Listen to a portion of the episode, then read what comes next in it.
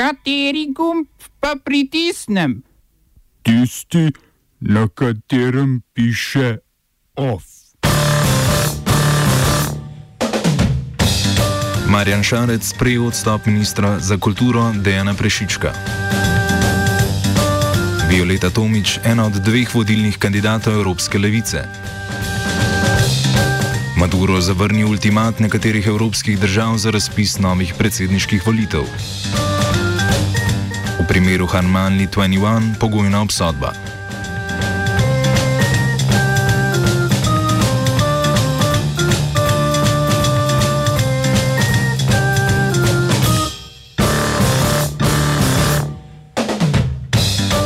Dejan Prešiček je včeraj premijeju pisno ponudil odstop.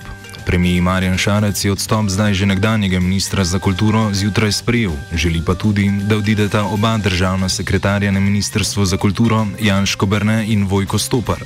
Saj bo, če ne odide celotno vodstvo, vedno senca dvoma nad vodenjem ministrstva.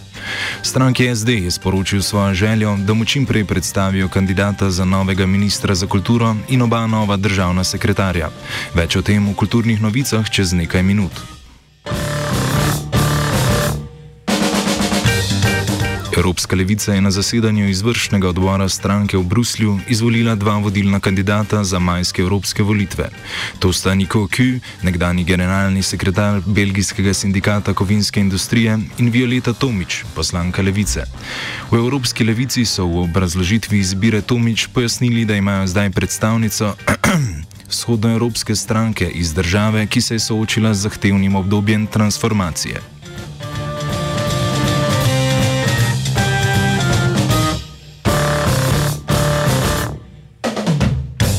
Srpska opozicija je sprejela sklep o bojkotu parlamentarnega zasedanja, na katerem bo govorec Borut Pahor, ki je trenutno na obisku v Srbiji. Sklep so sprejele Demokratska stranka, Narodna stranka, Socialdemokratska stranka, Dveri, Dosta je bilo, Stranka moderne Srbije in nekateri neodvisni poslanci. Kot so dejali, svojim prisostovanjem seji nočejo dajati vtisa, da demokracija v Srbiji deluje. Miroslav Aleksič, poslanec Narodne stranke, je dejal, da spoštujejo Pahorja, a da mu hoče hočejo kot predstavniki Evropske države poslati sporočilo, da v Srbiji stvari ne delujejo, ni demokracije, dialoga in svobode govora.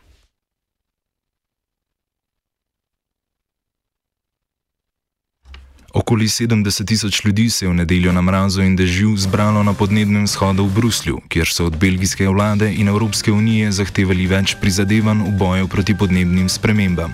Podoben shod je potekal že prejšnji mesec, v četrtek je tak shod privabil kakšnih 35 tisoč študentov in učencev.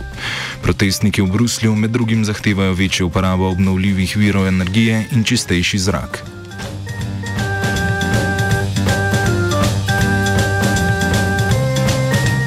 Že enajsti teden zapored v Franciji potekajo tako imenovani protesti rumenih jopičev.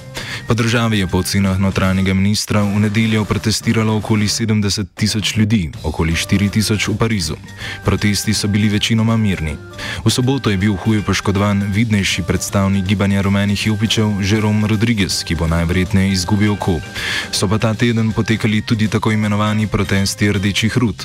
Francozi z njimi protestirajo proti nasilju na protestnih protestih protestih rumenih jopičev. Rdečih rud se je v Parizu zbralo okoli 10 tisoč, vihteli so slogane kot so Stop nasilju in Tace stran od moje republike. Senator stranke On Marš, François Patriat, je dejal, da ne gre za protest proti rumenim jopičem, ampak proti nasilju na ulici. Izjavil je, ne morete blokirati države in gospodarstva, ker smatrate predsednika za nelegitimnega.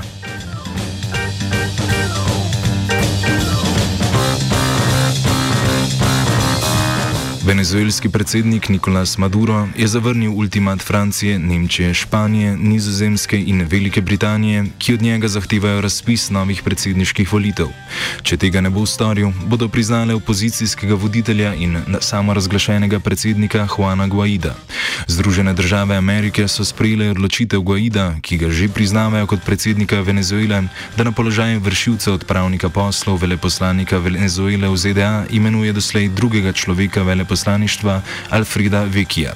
Maduro je sicer od, odpoklical diplomatsko osebje veleposlaništva v ZDA, do zdajšnja odpravnica poslov pa se je vrnila v Karakas.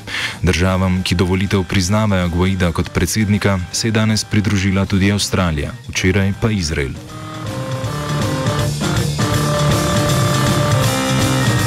Prišlo je do zadnje obsodbe v primeru Hanmanli 21 v Bolgariji. Primer, ki smo ga nedavno obravnavali tudi v Balkan Expressu, obnovi Ivo Stefanov, novinar bolgarskega nacionalnega radia in aktivist, aktivist Frida Harmanli 21. The case of Harmanli 21 is after the riot uh, in 2016, in November 2016, when the people in the uh, so-called open camp revolted because the camp was closed, was turned into closed camp. because of the pressure of the nationalists. Uh, and then the migrants uh, started to riot, uh, not all of them, but uh, mainly uh, migrants from Afghanistan. And then 21 of them were uh, arrested and accused of hooliganism and destroying the property of the state agency for refugees. After that, the number was reduced because 11 of them, the police was saying that they are missing, so they were not in the court and another 10 uh, people were on the court sessions uh, that happened uh, in the regional court of Harmony. And then, the, under the pressure of the National Security Service, uh, four of them went back to Afghanistan, like they were. It was said that it's like voluntarily returning, but it's not absolutely voluntarily, of course. And then another three one asked uh, to go back to Afghanistan, to not stay in the detention center, because all of them were kept in the detention center of the city of Lubimec. Stefanov pove še, česa so bili sploh obtoženi. Uh, hooliganism with the cynical, how to say, cynical sort of hooliganism and destroying the property of the state. Because they were, uh, they were breaking up some, uh, some property of the camping. Četvorka obtoženih, ki je ostala, je bila obsojena samo pogojno. Now, just in 25th of January, we understood that the last four from all this 20, 21, the last four that uh, were in the detention center and were called to the court sessions, uh, were let free uh, with the conditionally, they were uh, charged uh, uh, like conditionally charges. So they don't, so they're, they're on period of probation now. They do not, they must not make crimes for three years. but they're finally out of the detention center. So they are, they're released. Off je pripravil Jančič.